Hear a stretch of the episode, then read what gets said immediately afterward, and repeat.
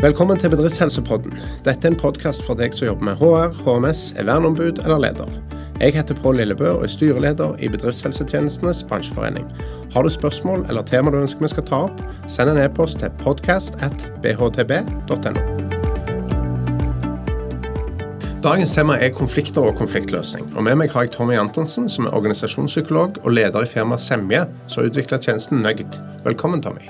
Takk for det. Kan ikke du si litt om konflikter på arbeidsplassen? Hva handler de om, og hva fører de til? Du, altså, Det er et ganske stort spørsmål du stiller meg der. Eh, da tror jeg vi kan snakke hele dagen hvis vi skal gå ordentlig gjennom det. Ja. Men eh, for oss da så handler det sånn grunnleggende sett om et par-tre ting, viktige ting. Mm. Og det ene er jo hvordan man ser i for, prosessen i forhold til uh, håndteringen av de. Mm -hmm. Uh, en annen ting er jo hvordan vi velger å forstå caset og analysere caset. Mm. Og det tredje er valg av metode. Akkurat. Ja. ja. Men hvis du skulle si litt sånn overordnet om konflikter, hvordan er de i arbeidslivet? Hva, hva handler de om? Går det an å si noe om det? Er det noe som går igjen? Er det, noe som, er det en økning i mengde konflikter, eller har dere noen tanker rundt det? Du, altså, Vi har jo fulgt med på levekårsundersøkelsen i noen år nå, og vi ser jo at den eh, presenterer mer eller mindre de samme tallene år etter år. Mm -hmm. Så det ligger vel jevnt over på rundt 8 da, i forhold til det som sies å være konflikt mellom eh, medarbeidere. Altså medarbeider-medarbeider. Og det samme gjelder mellom da medarbeider og leder. Stemmer. Og så kan man jo på en måte snakke litt om hva konflikt er. Konflikt er jo et litt krevende ord å ta i munnen. Mm. Spesielt for de som står i det. Og da tenker jeg på medarbeidere og ledere. Mm. Og Det viser seg også av forskningen er en av grunnene til at det kan ta litt tid før det skjer noe. Mm -hmm. uh, og vi konsulenter uh, blir jo ofte kontakta når det har gått en god stund. Så ideelt sett så skulle vi gjerne vært eh, inne litt tidligere. Ja. Um, men du har jo andre aspekter av dette med, med konflikt som, uh, som, også er relevant å snakke om. Og, og vi bruker gjerne ordet samarbeidsproblem. Ja. At det kanskje allerede der vi skal eh, begynne å snakke sammen om hvordan vi kanskje håndterer denne problemstillingen som har oppstått. Mm. Og Da ser man jo også i, eh, i tallene at det å ha samarbeidsutfordringer, altså den prosentdelen, er langt høyere. Mm. Så det er oppe i 20-30 da. Ikke sant. Eh, Trygstad tror jeg han het, og Ødegård de forska jo på dette med, med, varslinger i 2014. og der var, der var, det sagt at 16% av de er varslingsverdige. Og det kan jo si noe om alvoret i casene. Mm. Så det er litt vår erfaring òg, muligens, at eh, alvoret er på, på, på et bredt spenn. altså en to caser er mer alvorlige, hvor vi snakker um, lovverk, mm. bruk av lovverk, mens uh, andre caser har jo rom for uh, andre typer løsninger, muligens. Men alt dette avhenger av foranalysene man gjør. Ja, men Vi snakker vel gjerne om noen sånn, si, positive konflikter, eller funksjonelle konflikter og dysfunksjonelle. altså hva, hva tid blir det liksom noe som må tas tak i? Skal det ikke være litt meningsbrytning? Du kaller samarbeidsproblemer som den spede starten. Men, men, skal det ikke være litt uh, meningsbrytning og uenighet? Er ikke det egentlig en god ting? Jo, det, det er det jo. Spesielt i moderne arbeidslivet, hvor vi ser at uh, markedskreftene har jo endra seg radikalt de siste 30-40 åra.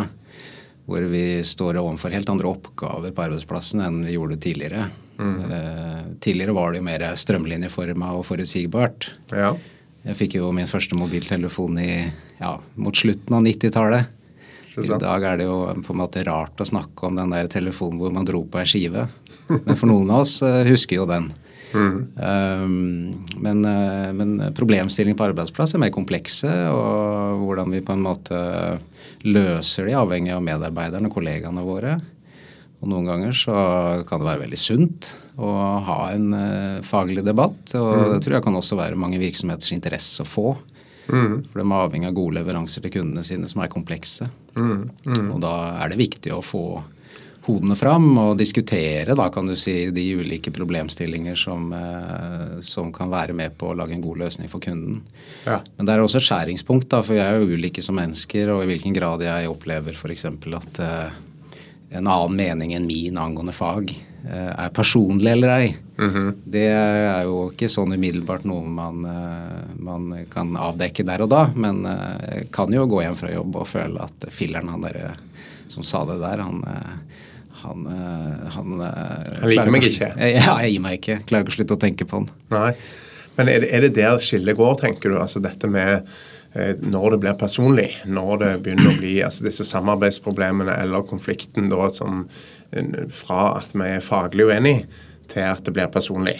Er det, er det, da vi må begynne å ta tak i ting, eller hva tenker du? Ja, det kan være ett aspekt av det, men det er så klart flere aspekter av, av, eh, av hva som oppleves å være konfliktfylt. Mm. Det kan jo være mer alvorlig, altså mer i juridisk sammenheng så snakker man jo om mobbing, trakassering, utilbørlig atferd. Mm. Mm. Og, så det er jo spekteret, mener jeg, er eh, veldig bredt, men, men, i hvilken grad man håndterer det, handler jo litt om muligens også ledelsen, men eh, til dels også medarbeidernes evne til å følge med litt med hvordan det går med hverandre og hvordan vi tar ting. Mm, mm. Og da har vi jo har vi andre aspekter som går parallelt med, med, med dette med samarbeidsproblematikk og konflikter, som f.eks. psykologisk trygghet. I hvilken grad mm. har vi det, og i hvilken grad har vi tilbakemeldingskultur, og i hvilken grad evner vi å gi tilbakemeldinger på jobb, da. Ja, ja, ja. Tenker du at ledere er gode nok på å forebygge konflikter og, og håndtere dem når det skjer? Jeg tenker det alltid er et forbedringspotensial. Ja. Eh, det er det jo på en måte skrevet en del om. Eh, men jeg må jo si, etter å ha jobba med dette her nå i noen år, og jo dypere jeg går, jo mer forstår jeg også kompleksiteten i det. Mm. Så med tanke på den eh, realistiske hverdagen til en leder, så, så er jo konflikthåndtering håndtering av samarbeidsproblematikk det er jo et fagfelt i seg sjøl. Som ledelse er et fagfelt. Mm. Så um, jeg tror nok det er uh, mange dyktige ledere der ute som har et godt grep om det og en god oversikt. Og så tror jeg det er mange ledere som støtter seg til bedriftshelsetjenesten sin eller, eller kanskje andre kompetente fagmiljøer når man uh, har noe man uh, kanskje ikke helt får tak i og ikke helt er trygg på i forhold til veien videre. Mm. Men uh, dette handler igjen om også i hvilken grad uh, ja, størrelsen av virksomheten, uh, ressursene til virksomheten, hvilken grad virksomheten tenker at dette er noe vi skal satse litt på. hvor mye man har lyst til å lære av hver enkelt case man har hatt, eller bare bli ferdig med det og komme seg videre. Mm. Hva tenker du er de vanligste feilene leder gjør under konflikthåndtering? Du, altså sånn rett og gal tankegang er jo litt sånn vanskelig å si noe om, syns jeg, sånn på stående fot. Men uh, jeg tror det som, jeg vil heller sagt det som mangler, er en god mm. rammeforståelse og en god prosessforståelse. Ja. Sånn, er, er det, hvor, er det, hvor, er det, lurt å begynne? Mm -hmm. Og hva, hva, trenger vi å avklare underveis, og hvor trenger vi å slutte? Mm. At den prosessforståelsen er viktig, og at uh, kanskje også ha med seg det at det er flere veier til, eh, til målet. Mm, mm. At man har det synet med seg til å begynne med, er nok, eh, er nok eh, Ja. Det kunne, kunne, sikkert vært mer. Ja, Du sier noe om at, eh, at vi kom inn for seint, og det er jo vår erfaring i bedriftshelsetjenesten òg. At mm. vi blir liksom kalt inn når det er krise og sykefravær og, og tenners gnissel, holdt jeg på å si. Kan noe av greiene være å ta tak i det før? Tørre å snakke om det før? Eller gjøre noe med det tidligere?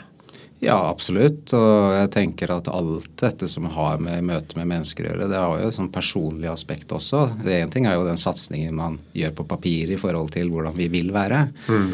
Men, eh, men, det handler også litt om meg og deg, og hvordan vi syns dette her egentlig føles. Ja. Og uh, der er det nok uh, også på en måte litt å ta tak i, tenker jeg, i forhold til noen runder med seg sjøl, og, og, kanskje også med bistand fra andre, eller samtaler med andre i forhold til det med å utvikle seg i lederrollen, f.eks. Mm.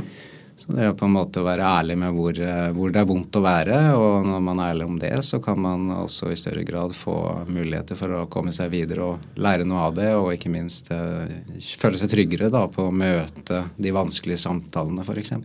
Ja.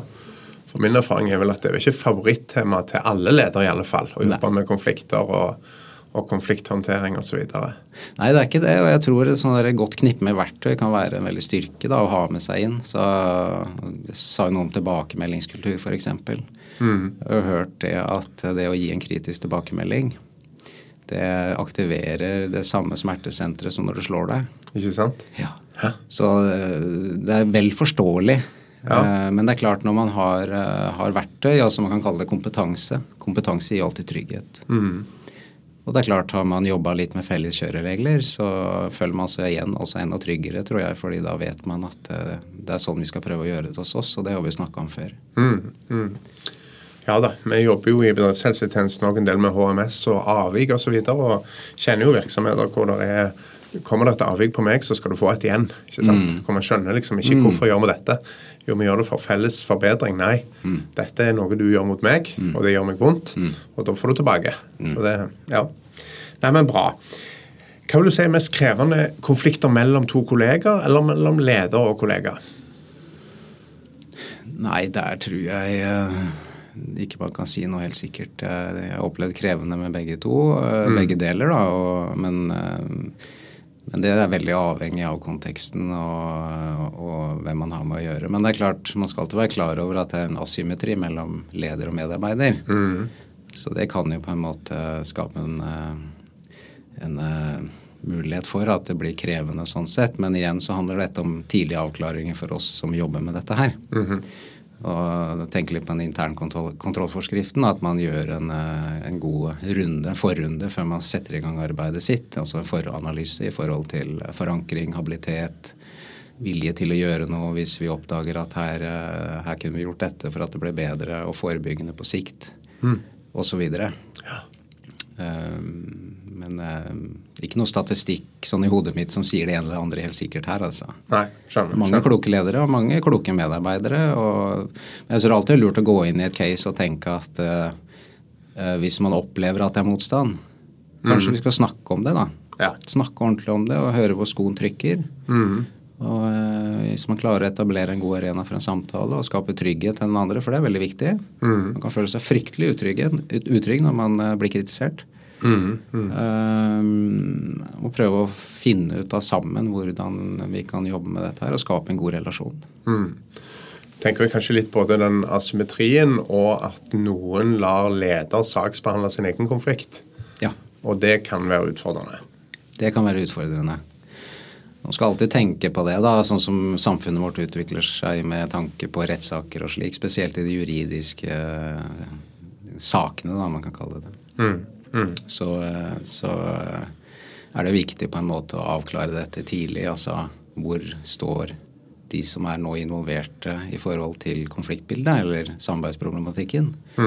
Og avklare det tidlig, sånn at man ikke går med sånn risiko for at uh, den ene faktisk oppleves som en part som, og er leder samtidig. Eh, leder kan jo ha rett i at jeg ikke er det, men medarbeider kan oppleve at du er det. Og da gjelder det å avklare det. Og det kan man jo kun gjøre ved at, ved at man snakker med de eh, Hva handler denne opplevelsen av inhabilitet om? Eh, og det spørsmålet bør jo vi som konsulenter også stille de vi jobber med. Jeg sier jo ofte, jeg sier jo hver gang at jeg opplever at jeg er habil. Jeg kjenner ingen av dere. Jeg tenker at jeg har ikke noen preferanser i forhold til å komme med noen løsninger her i forkant. Men hva tenker du om det? Ja, og det vel nettopp derfor. altså Hvordan tenker du at bedriftshelsetjenesten kan bidra i forhold til konflikter? Som en ekstern part? Jeg tenker at eh, de eh, virksomheter som har avtale med bedriftshelsetjenesten, og er så heldige å ha det eh, Da tenker jeg på lederne i forhold til spørsmålet ditt i stad. At man bør se på det som en ressurs. Noen har jo HR og ressurser der, men at man, eh, man bør benytte seg av den muligheten når man har den. Og eh, jeg tenker at det er bare med på å skape gode løsninger. For det kan jo være alle mulige løsninger når man først setter i gang. Altså det er mange handlekraftige ledere som, eh, som selv kan håndtere krevende caser. Men eh, det kan være veldig klokt å ha noen å spare med. Ja. Og da tror jeg det er klokt å gjøre det med de miljøer som har erfaring med det fra før. Mm. Og ikke minst som er eksterne, kanskje. He? Ja. Det er jo flere som jeg opplever også at HR liksom oppleves ikke som helt eksternt. Oppleves ikke som helt nøytralt. Selv Nei. om det liksom er en god ressurs internt, så, så er det nok særlig opplever jeg at medarbeidere har en slags idé om at disse vil på en måte, disse vil være lojale til ledelsen. Er, At det kan ligge en skepsis der, ja. ja. Mm, mm. Tror du at det er konflikter som fører til sykefravær? Ja, det vet vi at det gjør. Ja, Fortell litt om det. Uh, uh, I statistikken så vet vi jo at uh, ca. én av fire sykemeldinger er relatert til konflikt på arbeidsplass. Såpass, ja. ja. Så, så, det er helt åpenbart. Og vi må huske på det at når det oppstår frustrasjon i oss, så, så er det jo ikke bare noe vi frustrerer oss om mellom åtte og fire hvis det er arbeidstiden min. Mm. Jeg begynner å ta det med meg hjem og snakke litt med samboeren min om problemet på jobb. Og sovner ikke med en gang fordi det er noe som irriterer meg eller gjør meg redd. Mm. Um, så det drypper fort over. Uh, og da begynner vi å snakke helse. Mm. Mm. Og i de mest alvorlige tilfellene uh, hvor, det er, uh, hvor det er på en måte opplevelse av mobbing og trakassering og slik, så ser man jo også at det kan ha store helse, helsekonsekvenser. Da. Absolutt. Ja, På lang sikt. Lang, langtidssykefravær. Mm. Og vi, vi da i bedriftshelsetjenesten som er opptatt av å forebygge, forebygge sykdom, skade. Hva konkret tenker du at vi skal gjøre i sånne prosesser? Hva konkret vil være rådet til bedriftshelsetjeneste, altså de som jobber der? Du, altså, jeg tenker at det rådet må også gå til virksomhetene. Ja. Jeg mm. tenker Det ligger jo veldig mye stort potensial i forebyggende arbeid. Og det vet jeg jo bedriftshelsetjenesten har mye erfaring med. Og det å, det å kjøre arbeidsmiljøundersøkelser enten kvantitativt eller kvalitativt. Mm. Uh, men nummer to, ta resultatene på alvor. Ja, ikke sant. Og uh, de røde tallene som eventuelt, eller oransje eller gule, da, hva man, hva man vil kalle det, som kommer ut, at man, man gir en uh, tilbakemelding til de som har brukt tida si på å svare på det. Mm. Og viser at man tar ting på alvor. Mm. Og prøver å gjøre noe med det sammen med de som har svart. Mm. Det er en god start. Og så kan man jo tenke på andre siden at når man, uh, når man får en beskjed om eller melding om at her er det problemer, samarbeidsproblemer, konflikter ute og går, at man selvfølgelig prøver å komme inn tidlig. Mm. Og erkjenner at det er sånn for mange virksomheter at det er vanskelig, men at da må vi kanskje støtte oss til noen mm. for å prøve å finne en ramme for eh, det videre arbeidet. Og ta noen valg da i forhold til hvordan man skal arbeide med prosessen. Og litt avhengig av informasjonen som kommer i caset også. Mm. Men eh, vi ser jo det at det er stort rom for å jobbe forebyggende i en konflikt eller et samarbeidsproblem. Mm. Mm. Men det handler om valg av metode. Ja. ja, for dere har utvikla et verktøy for bedre inngang til løsning av konflikter. Stemmer. Kan ikke du si litt om det? Ja, sånn liksom Bakgrunnsteppet var jo Vi hadde jo jobba som konsulenter, eh, jeg og en som heter Trond Løkling, som starta dette her i, i 2018. Eh, dette prosjektet, etter noen års erfaring i feltet.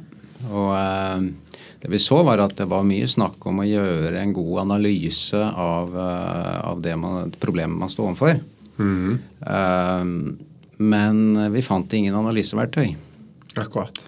Så analysen uh, avhenger i veldig stor grad av den erfaring og kompetanse konsulenten har. da. Mm.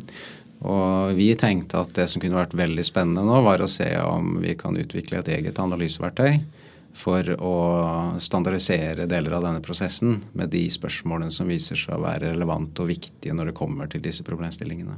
Ja. Så eh, det er det ene vi har gjort. Mm. Putta dette her inn i et system vi har kalt Nøgd. Stemmer. Eh, så vi tenker at Nøgd er et sånt ord som kan gjenspeile litt hva vi kan forvente. Ja. Så vi må, vi må, ha med oss at uh, selv om ikke alle er fornøyde, så kan det være en god løsning. Mm -hmm. uh, og, men i tillegg så har vi jobba med metodikk. Fått oversikt over metodikk knytta til håndtering av problemer som knytter seg til arbeidsmiljø. Mm. Som oppstår. Ja. Og på en måte sortert ut uh, metodikken sånn at det er litt tydeligere på en måte hvor i landskapet man befinner seg, avhengig av den casen man står ovenfor. Ja. Da skal Nøgd være med og bidra til at man gjør eh, gode refleksjoner og kloke valg knytta til eh, den prosessen man velger å gå for uh, i den konkrete casen man har analysert. Ja, for Når du snakker om metodikk, så mener du løsningsmetodikk? Ja. Ja. Hva, hva, metodikker finnes? Ja, Du kan først spre det ut på en skala. Så kan ja. du tenke at på den ene enden så har du psykologiske tilnærminger, altså mer relasjonelle tilnærminger på den ene siden. Mm. Og så har du mer juridiske tilnærminger på den andre siden. Da er vi tilbake til denne berømte faktaundersøkelsen som en av de Ja. juridiske. He? Den Det er- tøffeste, kanskje? Den tøffeste, ja. Einarsen og Pedersen har uh, stort kompetansefelt, eller kompetanse eller har mye kompetanse på det området og tilbyr jo kurs og bøker. bøker. Ja. Mange kjenner til den. Yes. Eh, Men før du kommer helt dit, så har du jo også andre muligheter. Og det som er nærmest vaktundersøkelse, er noe vi kaller flernivåintervensjon. Okay. Det kan være caser hvor, eh, hvor man er usikker på egentlig hvilken grad dette her er reelle brudd på lovverk eller policy. Men Det kan sies at det er det, men vi får ikke helt tak i det i forundersøkelsen. Vi har snakka med noen eh, i caset, og så kan det være at det viser seg at eh, de som er involverte, har kanskje brukt begreper som de ikke var helt kjent med sjøl, f.eks., og kanskje også fortsatt litt usikre eh, på, på innholdet. Eh, hvor man kan gå inn med en, eh, en, en metode som er eh, ja, dokumentere prosessen. Eh, det går ikke på akkord på det, Mm. men samtidig også ha veldig stort fokus på mulige læringsområder og lærings, eh, læringspunkter i forhold til hva som kan virke forebyggende. Ja, for, for litt av kritikken mot faktaundersøkelse, som det jo stadig blir mer av, syns jeg, altså denne kritikken er jo at den er lite løsningsfokusert, kanskje. Ja, det, det er riktig. Den, eh, den kommer jo ut med en subsumsjon. I, altså Den er bygd opp slik at uh, hvis du har uh, to mot én, så kan du jo mene at det var kritikkverdig eller ikke, da. Avhengig av hva, hva utgangspunktet er. Ja. Uh, men går ikke organisasjonspsykologisk til verks uh, i forhold til analysen ved å se på liksom uh, systematisk, da i hvert fall, de ulike områdene som kan være driverne til problemstillingen i utgangspunktet. Forskningen er veldig tydelig på det at jo da, det fins personligheter som er eh, krevende å ha på jobb, Ja. men ofte så henger en eh, konflikt sammen med noe annet. Akkurat. Man må i hvert fall ha det som et utgangspunkt. Og Ja. Da tenker jeg at flernivåintervensjon er et veldig godt utgangspunkt for å Ja. gjøre en eh, analyse. Så bra. Og Så kan vi gå enda, enda lenger eh, andre veien, og da har vi jo mekling som et alternativ. Mm. Og så har vi løftmetodikk, da. Ja, Som akkurat. også er kjent. eh, Ja. Narrativ metode. Mm. Uh, og da, i hvilken grad man velger det ene eller andre, er avhengig av, av caset man står overfor. da. Og det er det Nøgd sier noe om, altså Ja. dette verktøyet. Ja. Og, og løft er på en måte det mildeste, da, altså løsningsfokusert tilnærming. Det er den mildeste formen. Ja. Løft er jo veldig narrativ, eh, Ja. som skaper en ønsket framtid. Eh, Mindre fokus på problem. Mm. Selvfølgelig kan du ha fokus på det òg. Ja.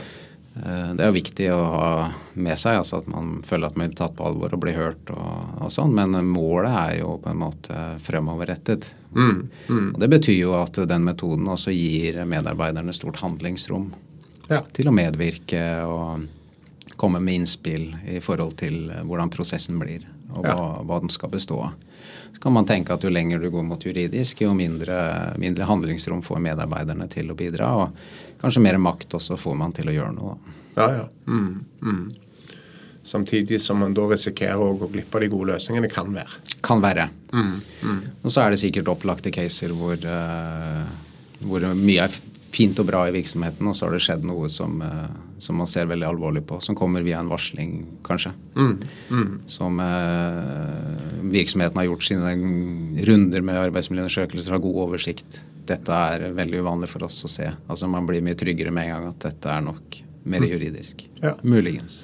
Sånn avslutningsvis, hvis du skulle si noe om hva er liksom din drømme på en måte konfliktmetodikk, altså hvordan du sier vi kommer for seint på banen, det er, liksom, det er for fastlåst når man kommer osv. Hvis du skulle liksom si hva er den gode måten å, å ta tak i en konflikt eller samarbeidsproblem på?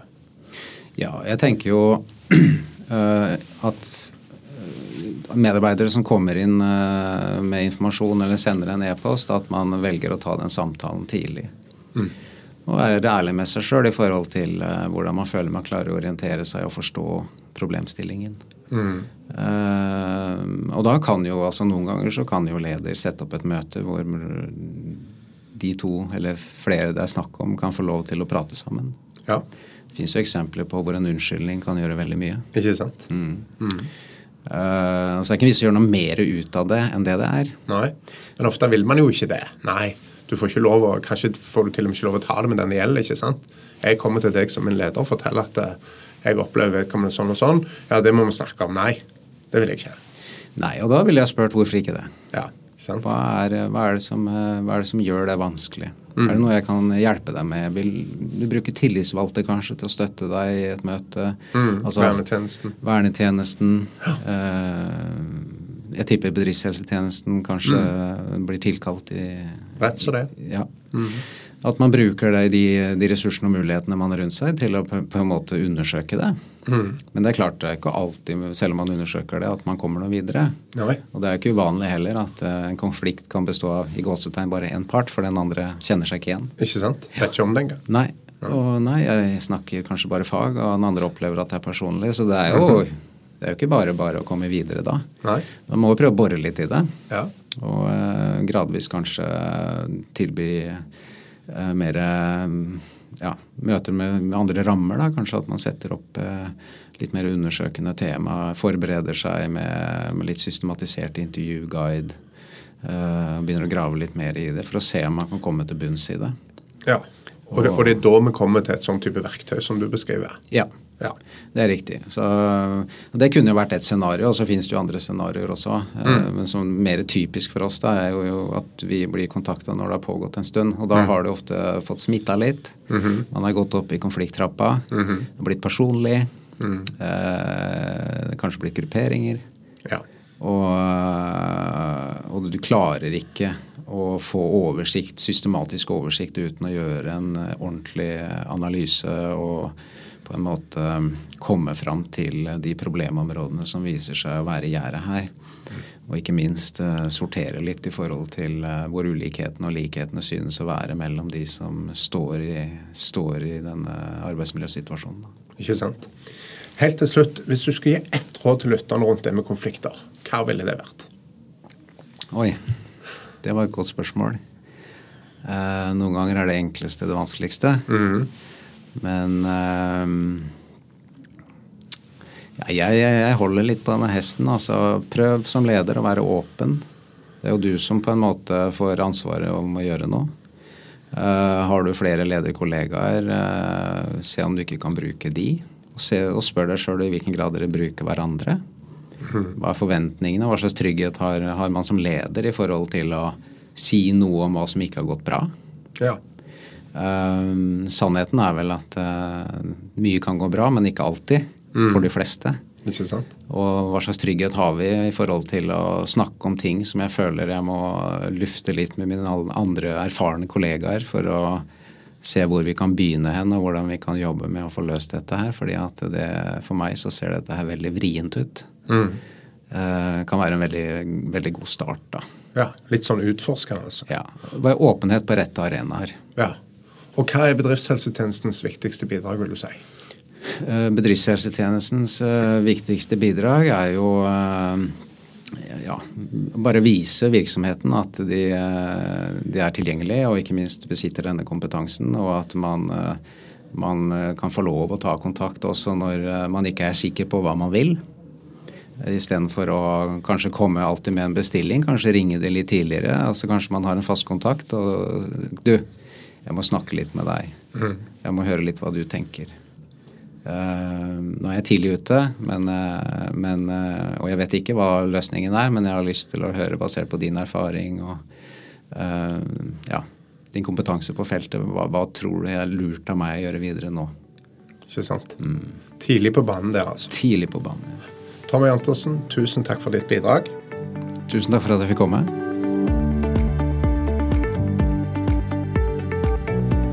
Du har hørt Bedriftshelsepodden med Pål Lillebø.